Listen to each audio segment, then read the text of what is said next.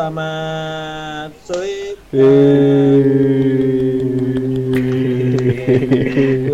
Kita ketemu lagi ya. Ketemu lagi ya. Kita jumpa lagi. Uh, di kali ini kita uh, mengadakan podcast lagi nih. Uh, Tio Kwek Kwek ada Trio Kwek Kwek. Kita perkenalkan dulu. Perkenalan dulu. Uh, nama saya Aji. Ada teman saya dari Solo dengan siapa? Dengan Ali Imran di sini Mas Haji. Oke, siap Mas. Selamat siang, Mas. Selamat sore Mas Imran. Uh, apa kabarnya Mas? Alhamdulillah baik Mas. Mas Haji gimana di Jogja? Aman? Alhamdulillah. Kalian sehat. ngobrol sendiri aja nggak apa-apa. Saya tak keluar ya. Oh iya. Oh ternyata ada teman satu lagi nih. Ada teman satu lagi bener. Ada teman satu Tuan lagi. rumah podcast ini saya loh. Ini saya. Uh, Oh iya. di kantor, di kantor. Soalnya, soalnya saya di kalau di kantor nggak pernah ketemu beliau. Oh, Wah, beliau. gitu ya. Jadi gantian ya, yang satu Iya. masuk, yang satu keluar, Iya. yang satu keluar, yang satu masuk gitu. Kali oh ya ini ada teman kita juga nih. Mungkin bisa perkenalan silakan Halo, Mas. saya Halo, saya Junar Safis dari Jogja. Junar Safis dari Jogja. Wes, Nah. Mas Hafiz apa kabar Mas Hafiz? Alhamdulillah. Lima menit yang lalu kan tanya kabar saya kabar sebenarnya. iya, Gimik ya. gimmick sekali gimmick Iya, sekali. gimik sekali. Oke, eh, pada sore hari ini seperti biasa kita akan membahas eh, tema-tema yang pasti menarik, yang pasti eksklusif, eh, tidak bisa ditemukan di tempat lain ya, karena kita hanya eh, melakukan podcast di IG at BRI Dana Reksa saja, jadi nggak Iya. akan ketemu eh, di Oh, tempat-tempat ada lain. lagi, Mas. Ada lagi mas. Sekarang kita sudah tersedia di Spotify. Wih. Wih, iya. Tangan Jadi ini. podcast Joglo Semar eh, saat ini sudah tersedia di Spotify. Jadi bagi eh, kalian yang mungkin eh, masih kelewatan nih episode-episode podcast eh, dari kami sebelumnya, bisa eh, langsung ke Spotify. Spotify-nya apa Mas Hafiz? Podcast Podcast Smart. Joglo Smart. Iya. Oke, siap podcast Joglo Semar. Yoi. Nah, eh, pada sore hari ini apa yang mau kita bahas nih Mas Haji? Ini eh, sebenarnya sih ini eh, ada judulnya sih lima kesalahan investor masa kini. Waduh, banyak banget nih Mas Imron nih Eh, investor-investor baru yang bisa dibilang sih newbie. Eh, ini biasanya eh, belum mengetahui eh, apa masa modal itu seperti apa itu. Terus selanjutnya biasanya kalau yang yang baru atau investor baru itu biasanya cuma hanya ikut-ikutan aja sih dia belum tahu tentang apa namanya eh, menjaga dana dia tetap stabil terus eh, biasanya gimana sih caranya untuk eh, kita mengetahui harga saham itu dia itu eh, murah tapi eh, jangka panjangnya tuh dia bagus gitu Oke. Gitu. Jadi Ada intinya juga- Jadi intinya kita hari ya ini nih ya? Coba kita hari bisa- ini akan membahas Mas. akan membahas lima kesalahan kesalahan investor masa kini. investor masa kini. Ini Kenapa cuma lima Mas Hafiz? Karena, Karena lima ini lima adalah ini adalah eh, kebanyakan, eh, kebanyakan kesalahannya. kesalahannya. Mayoritas, Mayoritas masyarakat kita masyarakat itu kita itu memulai memulai berinvestasi berinvestasi dan kalau di survei nih dari seribu orang ya, orang, ya. itu melakukan lima kesalahan ini mas. kesalahan ini, Mas. Itu ini adalah ini adalah kesalahan kesalahan yang sudah kesalahan menjadi yang sudah rahasia umum. menjadi rahasia umum. Nanti kita akan buka apa kita aja. buka apa aja. Oke, nah Oke, sebelum nah, itu sebelum seperti itu, biasa seperti kita biasa, akan kita akan mereview market mereview market terlebih dahulu. terlebih dahulu. Begitu ya? BBBB BBB BBB bekal buat bekal buat besok. besok. Oke, Mas Haji yang Oke, pertama Mas apa Mas Haji? Yang pertama apa Mas Haji? bekal buat besok ini bisa sebentar Yang pertama LPKR. LPPF. LPPF. Oke. LPKR Mas. Oh, LPKR. LPKR. Ya. LPKR. Oh, LPKR. Oh, Ya. LPKR. Nah, Ya. LPKR ini hari ini Nah, LPKR ini hari ini cukup menarik ya kalau Cukup kita lihat menarik ya. Kalau kenaikan kita hari lihat, ini cukup kenaikan tinggi sekali cukup tinggi sekali dan, eh, dia eh, bisa tembus dua resisten sekaligus, yaitu di Vibo, eh, eh, 236 dan juga 236 0,382. Ini luar biasa. luar jadi biasa. Jadi, eh, menjadi pencapaian menjadi bagus untuk pencapaian bagus LPKR untuk dan LPKR besok dan besok masih ada masih probabilitas ada untuk kenaikan untuk eh, harga eh, saham sampai saham ke area sampai ke area 165 165 dan eh, dan, jam lim, eh, eh, jam 3 lima- tadi jam 3 tadi eh, saham ini eh, bisa saham close di bisa close di 161. 161 Mantap. Jadi mantap seenggaknya BBB ini seenggaknya BBB ini eh, besok pagi bisa taking profit bisa minimal satu persen nih Mas satu Imron persen ya. nih Mas Imron Ya. minimal satu persen. Oke Minimal siap. 1%. Lalu yang kedua mas ada Trin TRIN Nano. Troin. Poin.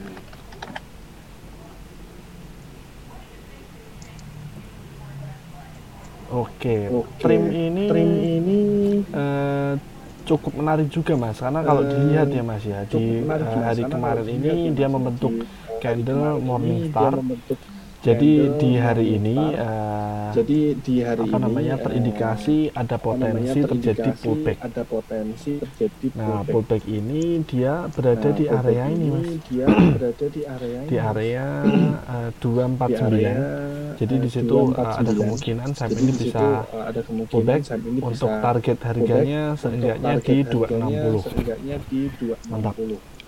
mantap Oke. Itu tadi untuk Trin. Lalu yang selanjutnya mas NATO. NATO. NATO NATO ini biasanya no action, talk only. Ngomong tok tapi tidak pernah berbuat. tapi tidak pernah Ya. berbuat Ya, ternyata benar sesuai Ternyata dengan sesuai namanya ya. namanya ya. Nggak Nggak ngapa-ngapain, beli sahamnya aja cuan. Nah, gitu. Nah, Itu filosofinya. Filosofinya pemilik perusahaan ini dulu ketika memilih kode emiten itu seperti itu. NATO.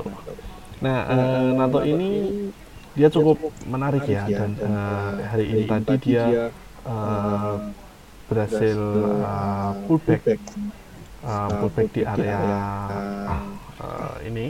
ini. 600 600 Nah, di area 600 eh, di area dan 600, kemudian dan kemudian kemarin sebenarnya sudah ada indikator bahwa ini ini ada potensi untuk mengalami mengalami eh, eh, apa namanya apa namanya pullback pullback yaitu, Yaitu, ada eh, candle ada di candle sini sini, morning star dan hari ini, dan hari ini ternyata ternyata beneran beneran dan bisa naik, bisa eh, naik, cukup eh, tinggi. cukup tinggi. Dan close di, dan close di, 610 eh, 610 untuk, Untuk, eh, yang tadi yang sudah beli sahamnya seenggaknya besok bisa taking profit taking di profit area di area 620 620. mantap. Mantap Itu untuk NATO. NATO. Tapi sebentar nih mas sebelum kita mulai nih Hmm? eh, ada Hmm? yang komen nih mas eh, suaranya agak agak bergema seperti itu. oh iya sebentar. Suaranya sebentar. agak bergema sebentar. Coba kita cek cek terlebih dahulu mas. oke Mas Aji silakan Mas Aji, silakan cek sound dulu cek sound dulu Ya, satu dua tiga cek cek. oke oke coba Mas coba Mas Imron Imron Halo, cek cek satu dua tiga mas Hafiz. Iya iya nah masuk ya ya masuk ya Gimana Eh, netizen? Apakah suaranya sudah jelas netizen? sudah sudah oh sudah sudah Oh, sudah sudah, sudah, sudah. Sudah, sudah. jadi tadi NATO tadi targetnya NATO targetnya, eh, pada eh, tingkat di pada 620 ya Mas 620 ya Mas 620 Ya NATO. Lalu Ya. yang selanjutnya mas ada APLN. APLN. Dodoborolen. Ya.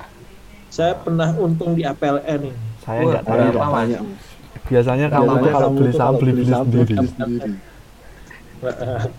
nggak pernah ngajak-ngajak. Ngajak tiba-tiba cuan-cuan sendiri. nah untuk Untuk untuk APLN PLN ini ini eh, hari ini juga hari cukup menarik banget. menarik banget. kalau kita lihat posisi eh, harga saham itu saham itu, eh, masih berada di masih berada di atas dari atas MA9 14 dan 34 34 jadi masih Jadi ada masih kemungkinan besok naik. Kemudian kalau kita Kemudian lihat dari indikator stokastik indikator MACD stokastik, dan MACD eh, dan, akumulasi eh, distribusi hari ini hari ini eh, eh, ada sedikit, ada sedikit apa namanya ya apa namanya ya potensi, untuk potensi melanjutkan melanjutkan kenaikan kenaikan seperti itu. seperti itu. Nah, eh, Nah, untuk eh, targetnya, targetnya, nah, nah, eh, setidaknya, setidaknya harga terdekat harga terdekat ada di ada area di 140 target terdekatnya nih mas. terdekatnya nih, Mas. Jadi, Jadi eh, eh, mantap, masih bisa dikoleksi, bisa tadi dibeli, sehingga besok bisa take profit di area 140 sampai 141 untuk. APLN. Begitu. Begitu. Oke. Lalu yang terakhir mas ada LAK LUCK LAK Lak. Untung. Nah ini LAK apakah nanti akan menjadi keuntungan Walak Walak, Pak. ya. Kayaknya ya. ini ya mas. Ini ya mas. Lak ini Lak ini banyak yang banyak yang semacam, semacam trauma ya. Trauma ya. kenapa ya mas Tadi Tadi sempat di grup itu masuk cut ini. Tahu-taunya besok menjadi unlucky gitu. Tapi enggak. Tapi enggak. Biasanya kalau Biasanya kita bahas di BBB itu itu besoknya besoknya langsung langsung moncar ya mas ya. moncar ya mas ya. Wah langsung moncer ya pasti Iya. loh. eh, untuk Eh, untuk lak ini, lak ini eh, dia eh, bagus dia banget dari ini closingnya. Dia bisa, Dia bisa, eh, tembus eh, resisten tembus di resisten di 263 hari ini hari ini dan closing dan di closing di 276. 276 276. 276 Wah, bisa santai. Bisa santai. Bisa santai. Saya nggak mau nyebut merek ya, Menyebut merek ya. tapi bisa santai.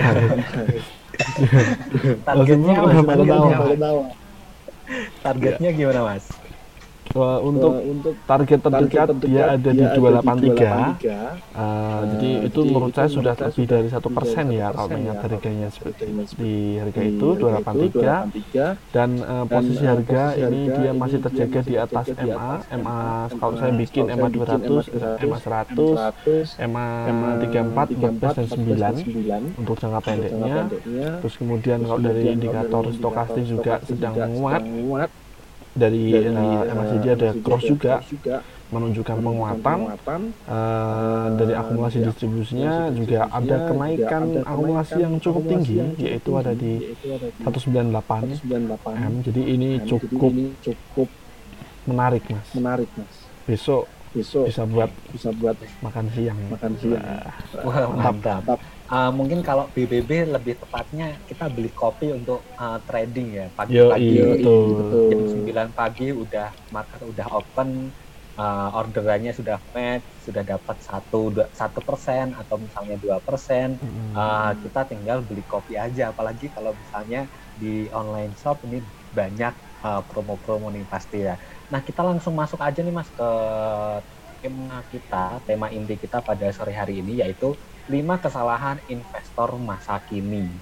Nah uh, dari Mas Haji nih yang pertama Mas Haji uh, kalau misalnya kita bahas tentang uh, kesalahan-kesalahan investor masa kini yang pertama itu adalah bahwa banyak investor, banyak investor yang mungkin uh, tidak memiliki perencanaan keuangan dan tujuan yang jelas. Nah, uh, bagi Mas Aji sendiri yang mungkin sudah lama banget nih berkecimpung di pasar modal ya Mas Hafiz ya. Daripada kita kita ini kan saking lamanya. Iya. saking ya, udah, lamanya udah lama banget. Iya. udah lama- kita lama ini yang muda-muda Nah, butuh petualang Mas dari Haji beliau sendiri. Uh, bagaimana sih Mas uh, menurut Mas Haji uh, tentang perencanaan keuangan dan tujuan itu jelasnya seperti apa lalu banyak kesalahannya itu seperti apa seperti itu Mas. Eh Mas Haji, silahkan Mas. Kalau menurut saya ya, eh, ini kan yang pertama dulu ya, eh, perencanaan eh, tidak memiliki perencanaan keuangan dan tujuan yang jelas. Nah, biasanya pada saat kita mau berkecimpung di dunia pasar modal atau terjun langsung ke dunia pasar modal kan pasti harus ada rencana dulu nih dari kita nih, dari diri kita. Eh, rencananya apa? Berarti kan yang pertama adalah mempersiapkan budget atau modal untuk eh, kita terjun ke eh, saham atau dalam bentuk eh, reksadana maupun obligasi. Nah itu kita harus teliti dulu nih eh, dana kita yang kita siapkan adalah modal dulu adalah berapa dan baru nanti langsung tujuannya apa tujuan untuk kita terjun ke pasar modal itu apa sih misalkan untuk eh, menambah pundi-pundi eh, yang kita miliki saat ini untuk bertambah lagi itu bisa. Tujuannya juga untuk eh, investasi eh, jangka panjang bisa atau untuk long term eh, atau untuk short term bisa seperti itu. Tergantung dari kitanya dulu mau tujuannya apa dulu seperti itu. Kadang juga ada eh, apalagi mungkin mahasiswa ya mahasiswa itu cuma hanya mengikuti aja dari teman-teman sebelah. Misalkan wah kok menarik ya? Eh, pasar modal ya. Nah, berarti kan dia belum ada tujuannya. Biasanya cuma hanya ikut-ikutan aja dan belum ada juga perencanaan untuk keuangannya seperti itu. Itu sebenarnya Hmm. salah ya seperti itu. Harusnya kita tujuannya dulu baru kita rencanakan dan nanti eksekusi. Itu menurut saya. Oke, Jadi mantap. ini- jadi merupakan kesalahan yang fatal ya? Mas Haji ya. Ya benar Mas, saya saya setuju juga dengan eh, Mas Haji ya bahwa satu kesalahan ini merupakan kesalahan yang cukup besar karena kita tidak memiliki perencanaan keuangan yang baik, tidak memiliki tujuan dan tiba-tiba terjun ke pasar modal untuk jadi investor saham. Nah terus mau ngapain begitu? Tujuanmu tuh apa? Kayak misalnya nih, eh, kita sekolah misalnya, tapi kita nggak ada tujuan mau lulus. Nah terus ngapain tiap hari berangkat? Kan seperti itu. Sama hanya, kamu kita nggak punya tujuan keuangan, nggak punya tujuan investasi. Terus, lah, terus kenapa berinvestasi kan begitu? Ya nggak, benar salah. Benar, Betul, betul. karena harus memiliki keuangan, memiliki tujuan dulu, tujuan eh, baik jangka pendek, jangka panjang itu bisa disesuaikan. Kemudian uang itu dialokasikan dalam bentuk aset. Nah, aset ini yang kita maksud adalah saham. Seperti itu. Jadi perencanaan itu adalah poin yang sangat penting, Mas Imron. Nah. Mas Imron, selain Hmm. itu Mas nih, ada eh, yang tadi yang pertama tadi itu adalah tidak memiliki perencanaan keuangan dan tujuan yang jelas. Nah, ini ada kesalahan nomor dua nih, Mas. Yaitu adalah emosional. Wah, Iya, Ini kalau emosional. misalnya kita bahas tentang emosional, ini agak berat ini Mas Hafiz ya. Iya. Agak Iya, berat nih apa-apa. Mas. Karena eh, biasanya biasanya gini ya, kalau misalnya eh, kita ini bukan bukan merendahkan kaum perempuan ya, tapi kita Oh, sekedar iya, sharing curhat-curhat sedikit nih, curhat-curhat sedikit bahwa Betul. eh, kalau menurut buku yang Mas Hafiz baca ya, bukan saya yang baca ya, yang Mas Hafiz baca, itu eh, pria itu lebih rasional Rasional. karena Sementara uh, wanita lebih menggunakan uh, otak ya untuk berpikir sementara untuk Hmm. uh, perempuan atau wanita itu lebih emosional jadi uh, segala langkah itu uh, terlalu banyak menggunakan hati nih jadi hati. uh, sering iya betul hati jadi sering Iya. emosional nah ini Betul. uh, apakah menurut uh, kalau menurut Mas Hafiz nih dari buku yang Mas Hafiz baca tadi, uh, menurut Mas Hafiz tentang uh, kesalahan uh, investor terkait emosionalnya itu apakah terjadi kebanyakan di perempuan saja, Mas? Ini pertanyaan yang sulit ya Mas. ini pertanyaan yang sulit. Ini harusnya menjawab dengan hati ini. Jadi memang Mas. Jadi memang eh, apa namanya? Ini kayaknya kita pernah ngobrol mengenai hal ini ya. Mengobrol mengenai hal ini mengenai rasional dan logika kan Emo- seperti itu. Nah, Iya, Iya kan. Nah, emosional ini yang dimaksud di dalam eh, perilaku berinvestasi itu juga bisa dikatakan menjadi eh, kayak kayak pisau bermata dua gitu loh mas. iya. Pisau bermata dua. Dalam artian begini. Kalau menjadi seorang investor mungkin oke masih ada oke-nya sedikit lah misalnya kita emosional. Emosional dalam artian kita sudah jatuh cinta terhadap perusahaan yang memiliki fundamental yang baik. Eh, Oh, iya. seperti itu Terus biasanya biasanya ini di di eh, dialami oleh eh, saya nggak men- tidak menjustifikasi semuanya ya tapi biasanya kebanyakan ke ibu-ibu Eh, biasanya gitu Wah. biasanya ya Tapi biasanya ya, tapi- tidak semua. Nggak semua Lalu bagaimana kalau misalnya dengan uh, investor yang uh, laki-laki, Mas? Misalnya Mas Nah. Hafiz sendiri deh. Mas Hafiz sendiri apakah uh, termasuk investor yang emosional juga, Mas? Iya, jadi jadi gini mas, emosional ini nanti eh, ada kaitannya dengan eh, perilaku kita bertransaksi, yaitu dalam artian eh, kembali ke psikologi eh, apa namanya dan kembali ke profil risiko setiap investor seperti itu. Nah, kesalahannya adalah kenapa emosional ini menjadi salah, ya kan? Jadi emosional ini menjadi salah ketika ketika ya ketika psikologi trading kita itu itu dalam keadaan yang on power atau menggebu-gebu memiliki nafsu untuk kaya menjadi cepat Nah, Wah, iya itu. Ya kan memiliki profil risiko yang tidak jelas. Kemudian eh, apa itu namanya? Ya tadi di, di- dilandasi oleh eh, keinginan-keinginan itu akhirnya menimbulkan eh, psikologi trading dan juga emosional yang tidak stabil. Seperti itu. Nah, biasanya emosional ini itu pun eh, tidak hanya di, dimiliki oleh eh, investor masa kini aja, bahkan investor masa dulu Masa dulu. masa dulu juga. Iya. Gue gak mau meningkat ya. Iya. Masa dulu itu juga punya eh, emosional yang tidak baik dalam artian biasanya ketika market open ya kan itu pasti setiap orang tuh punya rasa untuk aduh Segera pengen ngeklik ya. beli saham apa aja apalagi kalau Iya. marketnya lagi hijau gitu Iya. itu dan itu terjadi juga seperti itu. Nah ditambah lagi saat ini banyak banget nih eh, apa namanya influencer, terus kemudian artis itu yang eh, apa namanya me- mempom-pom suatu saham ya. Itu kalau misalnya eh, kita sudah jatuh cinta misalnya dengan influencer misalnya eh, Pak Aji misalnya gitu ya Iya. kita sudah mengikuti mudah follow kita sudah sudah sangat kepo dengan kehidupannya ya kan? Sampai seperti itu dia bilang beli saham eh, bumi misalnya gitu. Karena apa karena semuanya ada di bumi misalnya gitu. Kita secara nggak langsung kita akan mengikuti apa apa apa eh, apa namanya eh, apa yang diomongkan dari si influencer tersebut. Nah ini nggak bagus mas. Harus eh, apa namanya sebisa mungkin emosional ini boleh ada tetapi tetap harus diimbangi dengan pemikiran yang rasional.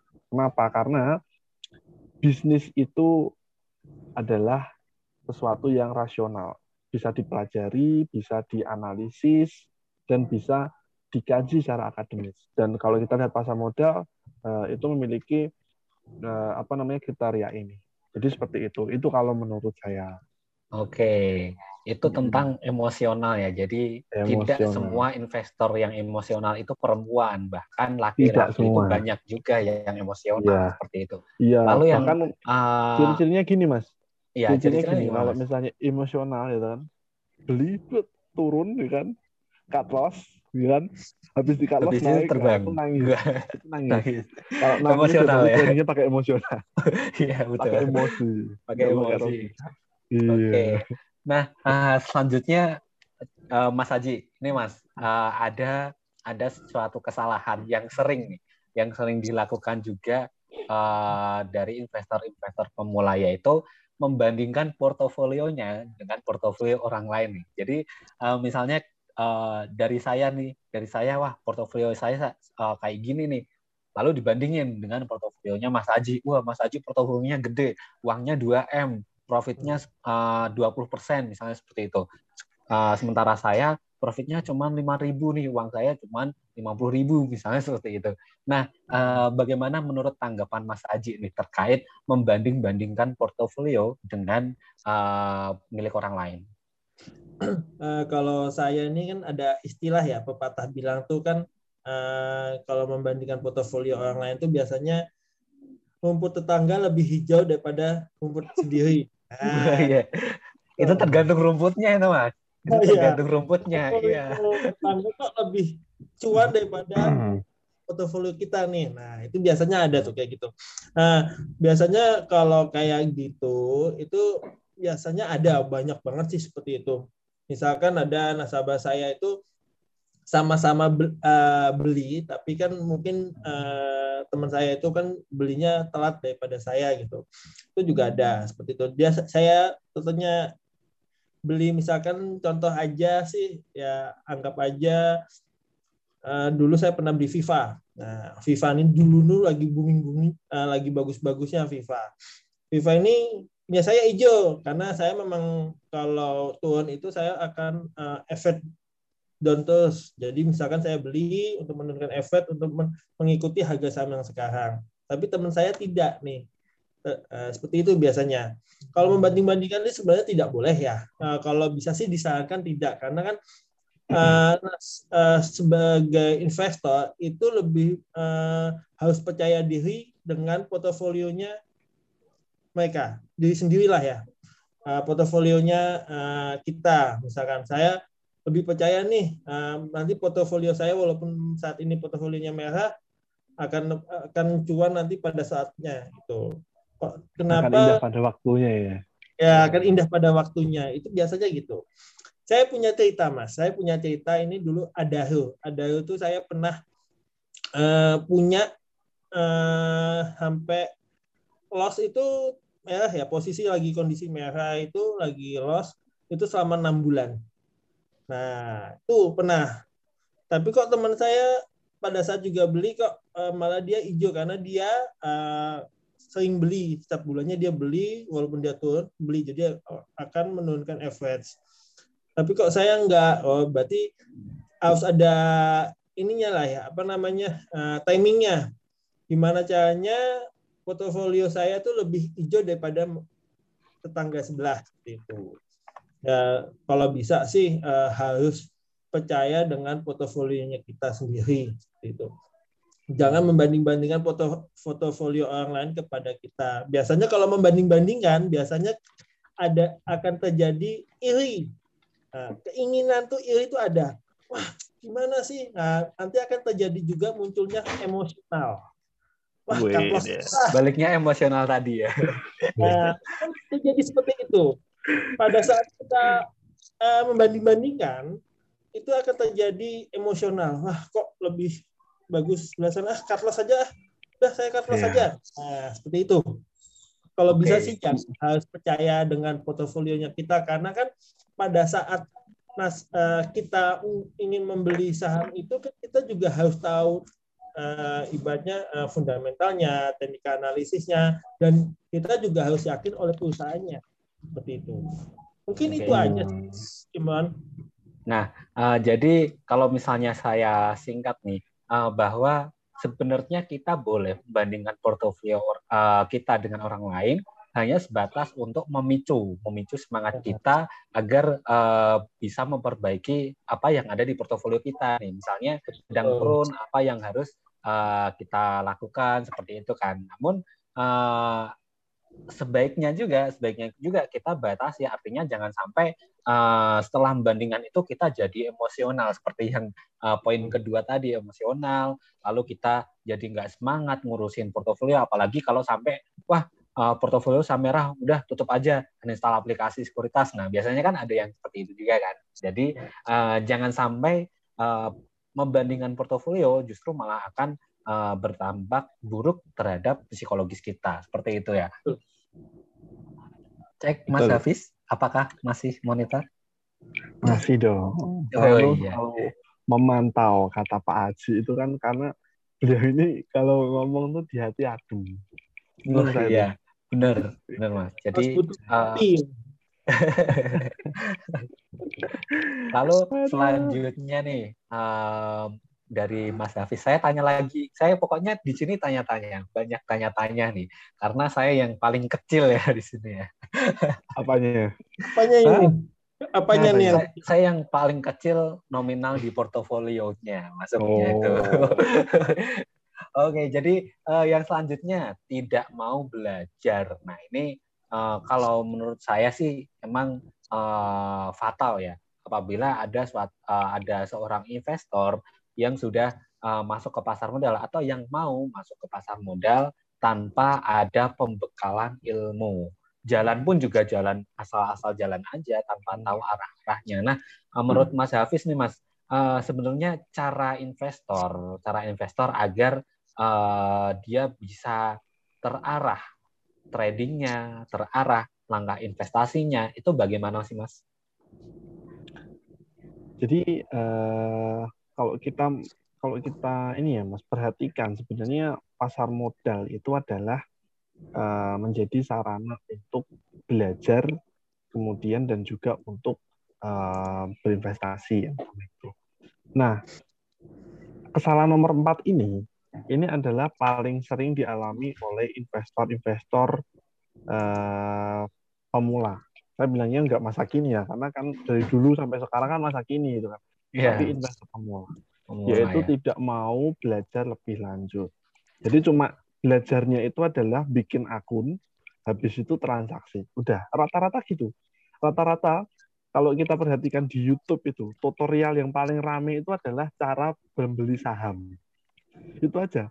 Artinya investor itu cuma stuck eh, belajar membeli sahamnya aja, tapi tidak belajar cara menganalisis saham dengan baik, tidak belajar uh, memilih saham uh, secara fundamental baik, secara teknikal yang baik dan lain-lain. Jadi menurut saya itu perlu dihilangkan atau kebiasaan ini perlu dihilangkan.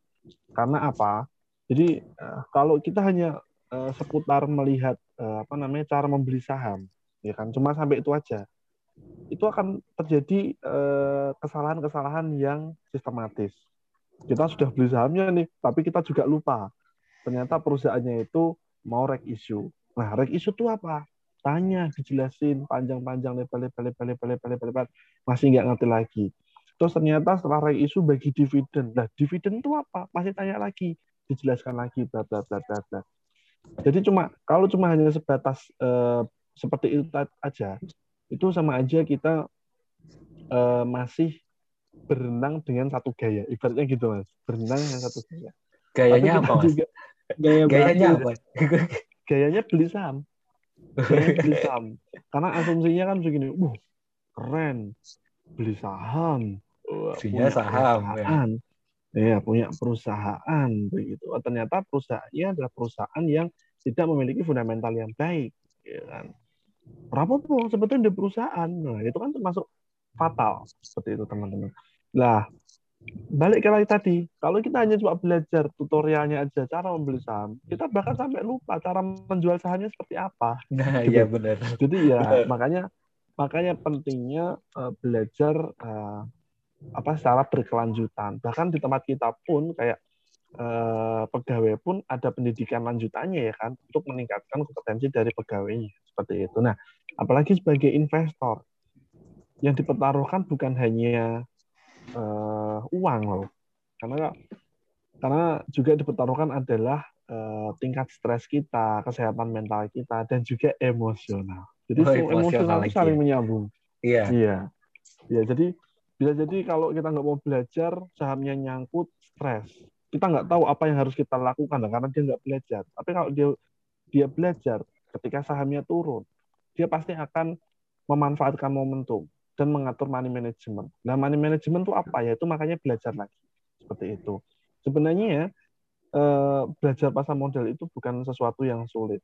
Kenapa? Karena eh, bahkan di tempat kita di BRI dan Harga Sekuritas pun itu kita memberikan layanan edukasi uh, setiap minggu bahkan hampir tiap hari itu di semua cabang bahkan di kantor pusat menyediakan begitu kalau teman-teman masih belum memanfaatkan apa namanya fasilitas itu secara ya. maksimal fasilitas itu berarti kan eman-eman banget jadi cuma oh. sekedar membeli saham aja tapi nggak ya. berlanjutan seperti itu jadi nah. itu fatal mas menurut saya okay. Nah, jadi uh, salah satu contohnya nih, misalnya uh, hmm, dari hmm. kami yang dari SID Joglo Semar atau area Jogja, Solo dan juga Semarang, dari kami itu uh, punya grup nasabah. Grup nasabahnya pun juga dibagi nih, ada basic, ada intermediate, ada advance. Jadi uh, kalau misalnya ada uh, nasabah yang baru mulai masuk ke basic dulu. Kalau misalnya nanti ke basic hmm. udah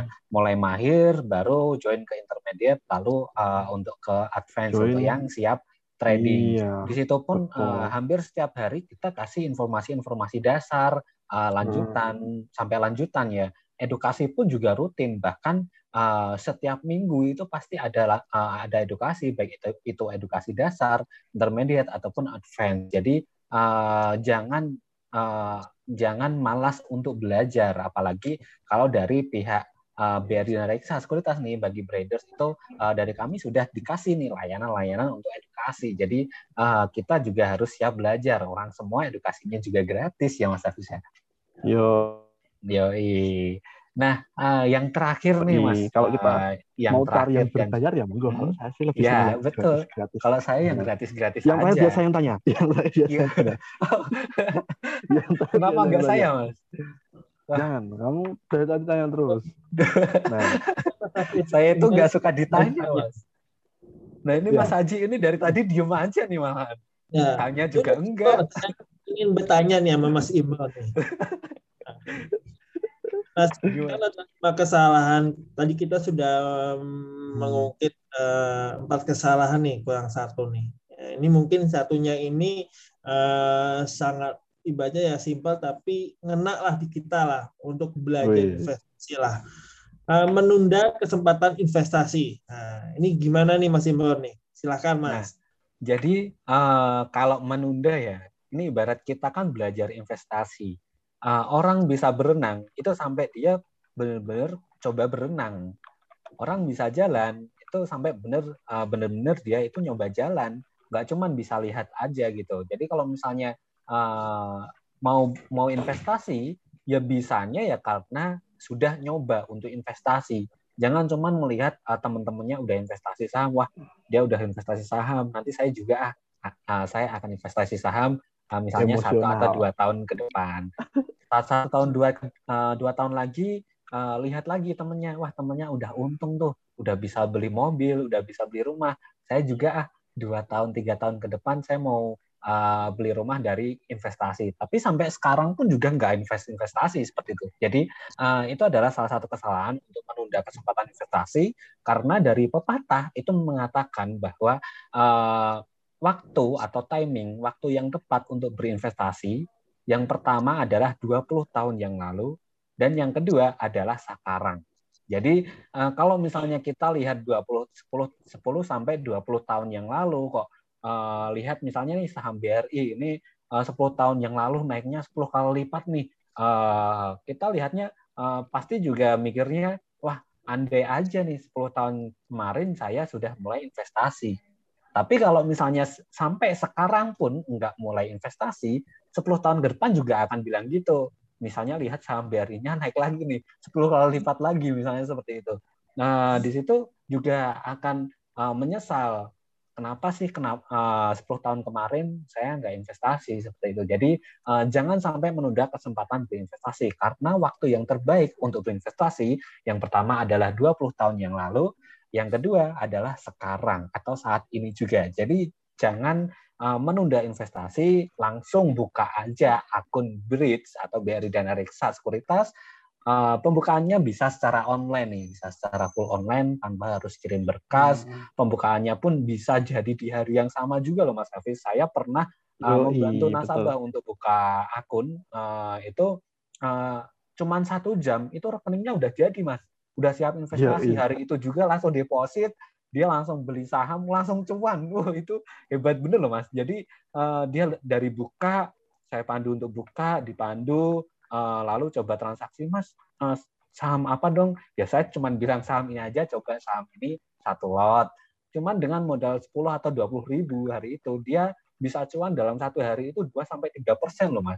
Dan saat ini pun dia masih uh, konsisten dengan percuanannya seperti itu. Padahal uh, dia uh, yang pasti itu harus berhati-hati ya seperti yang uh, pertama tadi sudah harus punya tujuan yang jelas perencanaan yang jelas, lalu nggak usah membandingin portofolio kita dengan yang lain. Kita fokus aja dengan apa yang kita punya seperti itu. Dan uh, itu yang membuat kita nanti uh, ke depannya akan untung, masa depan kita akan cerah seperti itu. Jadi uh, jangan menunda investasi, langsung buka aja akun di BRI dan Reka Sekuritas akan dapat banyak fasilitas-fasilitas yang teman-teman uh, bisa dapatkan di sini seperti itu mas. Hmm, betul, mantap itu tadi uh, ya itulah kurang lebih lima kesalahan umum investor masa kini.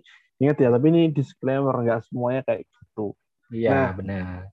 Betul. Nah, saya mau tanya ke kalian-kalian, untuk kalian, kalian pasti pernah mengalami kesalahan investor dari lima ini. Ya kan?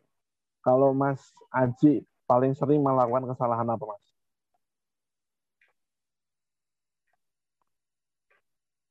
Loh, halo, Mas Haji ke mana nih? Halo Mas Haji. Mas Haji. Mas Haji, hai. Hai. Wah ini, wah ini Mas Haji malah ganteng-ganteng kan ini. saya ini. nih, sorry, uh, mungkin nah. soalnya agak ini soalnya apa uh, nggak kedengaran. Habis tadi habis ada telepon, jadi HP saya langsung soalnya jadi kecil. Uh, mungkin lima kes biasanya saya yang saya melakukan kesalahan adalah biasa yang simpel aja yang mendasar ya itu biasanya cut loss biasanya itu ya Loh, Mas uh, sebentar Mas cut loss ini kenapa kok menjadi kesalahan Mas emosional Oh iya. emosional. Karena Berarti aktor, emosional ya. eh, eh, karena aktor eh, sebenarnya drakor gini. kesukaan Mas ini Mas Haji itu melakukan cut loss dia ikut-ikutan. Kayaknya gitu. Gimana Mas? Gitu. Mas Haji gimana? Masalahnya gini, kalau saya cut loss, ah, ini kalau saya cut loss, kesalahan saya adalah eh, saya nggak kadang nggak percaya diri. Pada saat cut loss, eh dilalah kok saham yang saya cut loss itu malah naik. Itu, itu Oke. adalah kesalahan saya. Kenapa nggak saya tunggu dulu untuk naik? Berarti langsung saya Oh, jual, iya. malah Ini menjadi informasi penting ya. eh, Gilala sahamnya naik itu kesalahan saya. Biasanya itu sering terjadi di saya sih. Iya. Oke. Ini jadi informasi penting Mas. Besok kalau Mas Haji mau cut loss, kabari kita ya. Kita mau. Iya benar. Ini informasi penting nih. Jadi Ini Mas Haji besok penting. kalau misalnya ternyata kok Mas Haji lagi trading kok eh, malah cut loss, loss. Hmm, langsung hmm. bilang Mas, ini saya habis cut loss Telkom misalnya gitu. Wah langsung saya sama Mas Hafiz kita langsung all beli. in. langsung all in. Karena eh, setiap setiap cut lossnya Mas Haji itu adalah berkah bagi kita. Iya. Kalau Oke. Mas Imron, apa dari Hmm. lima ini mana kesalahan yang paling sering eh, apa namanya dilakukan? Eh, ini Mas, jadi kurang teliti ya dalam analisis ya. Jadi eh, misalnya nih udah udah analisis ternyata ada sedikit eh, misalnya entah itu supportnya atau resistnya atau indikatornya yang eh, saya salah baca gitu. Saya salah baca artinya eh, misalnya dari dari indikator udah oke, tapi candle-nya belum mendukung. Nah itu eh, kadang saya asal masuk aja, saya asal, masuk dan seringnya itu saya itu lebih sering HK ya daripada Andri ya karena ibaratnya saya eh, misalnya sudah menganalisis saya sudah yakin ya saya harus punya dulu sahamnya ini gitu. Nah Hmm. seringnya saya di situ saya langsung HK aja padahal misalnya eh, saya perhatiin supportnya ada misalnya di 180 saya HK aja di 190 seperti itu. Jadi eh, FOMO ya artinya eh, saya Ah. nggak mau antri. nafsunya gede ya. Nah nafsunya gede nih. Gede. Jadi kalau misalnya udah analisis, nafsu pokoknya pengen berinvestasinya langsung, maksudnya. ya pengen langsung Punya, dapat mm. sahamnya, betul. Itu sih mas, kalau kesalahan saya. Oh, gitu mantap. Ini kita sampai lupa loh. Kalau Hmm. eh, teman-teman yang mengikuti Instagram eh, live kita kali ini, gak usah khawatir. Kita akan tayangkan juga di Spotify. Jadi kalau misalnya kalian sambil naik mobil pengen mendengarkan suara kami, kalian tetap masih bisa. Terus juga silahkan bagi yang punya permasalahan, punya unek-unek, silahkan tulis di kolom komentar kita selesaikan bersama-sama. Iya, bener. Yoi. Biasanya banyak yang curhat. Nah, eh, saya itu sebenarnya sedih mas, kalau live bareng Mas Aji itu sedih ya, karena biasanya yang curhat di kolom komentar itu Mas Aji gitu. Tapi sekarang malah ikut live, sehingga nggak ada nih, sampai sekarang pun belum ada yang komen ya, yang komen Mm-mm. mau curhat eh, punya saham ini nih. Sebenarnya tadi ada tuh mas, eh, ada yang tanya itu kalau nggak salah ya dari atas tadi saya lihat eh, ada yang tanya sepatu saham, prospeknya bagaimana. Nah eh, sebenarnya kalau dari kami itu ada yang namanya morning briefing ya dari di SID Joglo Semar, lalu eh, di pusat juga setiap pagi itu ada eh, saham keramat. Saham keramat ini live saham Instagram ya. Ya betul live Instagram di mana uh, di situ akan dibahas nih saham-saham ramuan uh, dari analisis teknikal, lalu ada juga saham-saham dari uh, pertanyaan-pertanyaan dari traders. Jadi uh, bagi yang mau menanyakan teknikal saham, besok pagi jangan lupa join jam tu, uh, jam 8 kurang seperempat ya atau 7.45 Tuh. di Instagram @bri Dana Reksa. Di situ langsung tanya aja sahamnya apa aja nanti dari Mas Dana atau dari technical expert BRI Dana Reksa Sekuritas akan dijawab tuh uh, sahamnya bagaimana prospek ke depannya. Gitu ya, Mas. Mungkin kita besok juga akan kita mungkin kita jadwalkan ya Mas Imron ya. Kita Boleh. mengundang Mas Marta dan juga Bro Will ya kan. Oh iya siap. Kita di sini. Oke. Oke.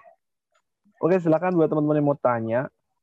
Tidak ada. Baik, terima kasih. Cukup aja kalau gitu.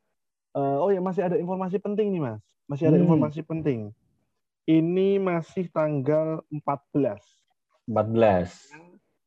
Besok kita masih bisa melakukan beberapa kesempatan.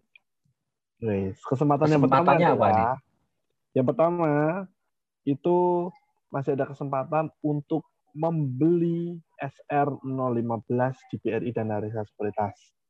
Oke, yang pertama itu. Maksimal jam berapa, Mas? Maksimal jam berapa? Maksimalnya sampai sesi satu aja kalau nggak salah ya. Oke, Nanti jam untuk 10 info pagi ya, Mas ya. Ya, oke. Kemudian yang kedua adalah eh, teman-teman masih bisa melakukan perdagangan right untuk saham BRI. Bisa Nah. tebus, bisa jual, bisa beli. Terserah Oke, kalian pengennya sampai apa. tanggal berapa ini Mas track isunya, Mas? Sampai tanggal 22 September. Nah, Sampai- jangan pernah, Nah. nah, jangan sampai ya melewatkan track isu terbesar dalam sejarah pasar modal di Indonesia Oh. nih. Apalagi 90 eh, triliun ya. Iya, betul 90 Hmm. triliun. Eh, kalau misalnya sudah punya dengan harga 3.400, wah ini kesempatan banget. Artinya eh, sekarang harganya BRI itu 3.700 daripada kita nungguin besok-besok nungguin di harga 3.400, yang mendingan kita tebus aja sekarang dengan harga 3.400 ya Mas Atis ya. Betul. Itu sangat terdiskon ya, terdiskon. Sangat Tanpa terdiskon. ada kri- tanpa ada krisis tapi kita dapat murah. Nah, UMR benar. begitu. Nah, em, oke karena mungkin belum ada yang bertanya dan kayaknya sudah tidak ada yang bertanya, kita cukupkan dulu untuk podcast kita hari ini Mas Imron dan Mas Haji. Terima kasih untuk teman-teman yang sudah bergabung di sore ini bersama kita. Eh, jangan lupa besok BBB-nya di taking profit, ya kan? Iya, jangan betul. lupa itu. Yang kedua, Bisa jangan lupa juga sebelum Oh ya? penutupan nih Mas nih. Eh, Hmm. saya ada quote nih. Wah. Wah, iya. Nih, Itu yang mau saya tanyakan itu. ada quote. Iya. Itu yang mau saya tanyakan. hati. Ya, Iya. silahkan Mas Haji. Quote itu ya mungkin untuk investasi ya. Investasi akan menjaga Anda tetap tersenyum di masa pensiun nanti. Wah. Wah, mantap. Mantap, mantap, mantap, mantap, mantap. Jadi eh, investasi untuk saat ini akan cerah di saat yang Hmm. akan datang gitu ya. Masa itu masa depan cerah. Wah. Oke, itu siap. masa masa masa depan cerah itu syarat dan ketentuan berlaku. Salah satunya harus berinvestasi Hmm. dulu. Iya, benar. Investasinya dan Oke. juga harus melalui BRI dan Reksa Sekuritas ya kayak. Harus itu mah wajib hukumnya. Itu aja ya. Oh, terima kasih untuk teman-teman yang sudah eh, berkenan mengikuti kegiatan pada sore hari ini. Jangan lupa besok taking profit dan juga mengikuti kegiatan kami di eh, BRI dan Arisa. Jangan lupa di follow yang ada centang birunya. Eh, kurang lebihnya mohon maaf. Eh, saya undur diri. Saya Zunar Sahafiz bersama teman saya dan juga teman saya, Saya satunya. Oke, kami pamit undur diri. Terima kasih semuanya. Kasih selamat semuanya. sore.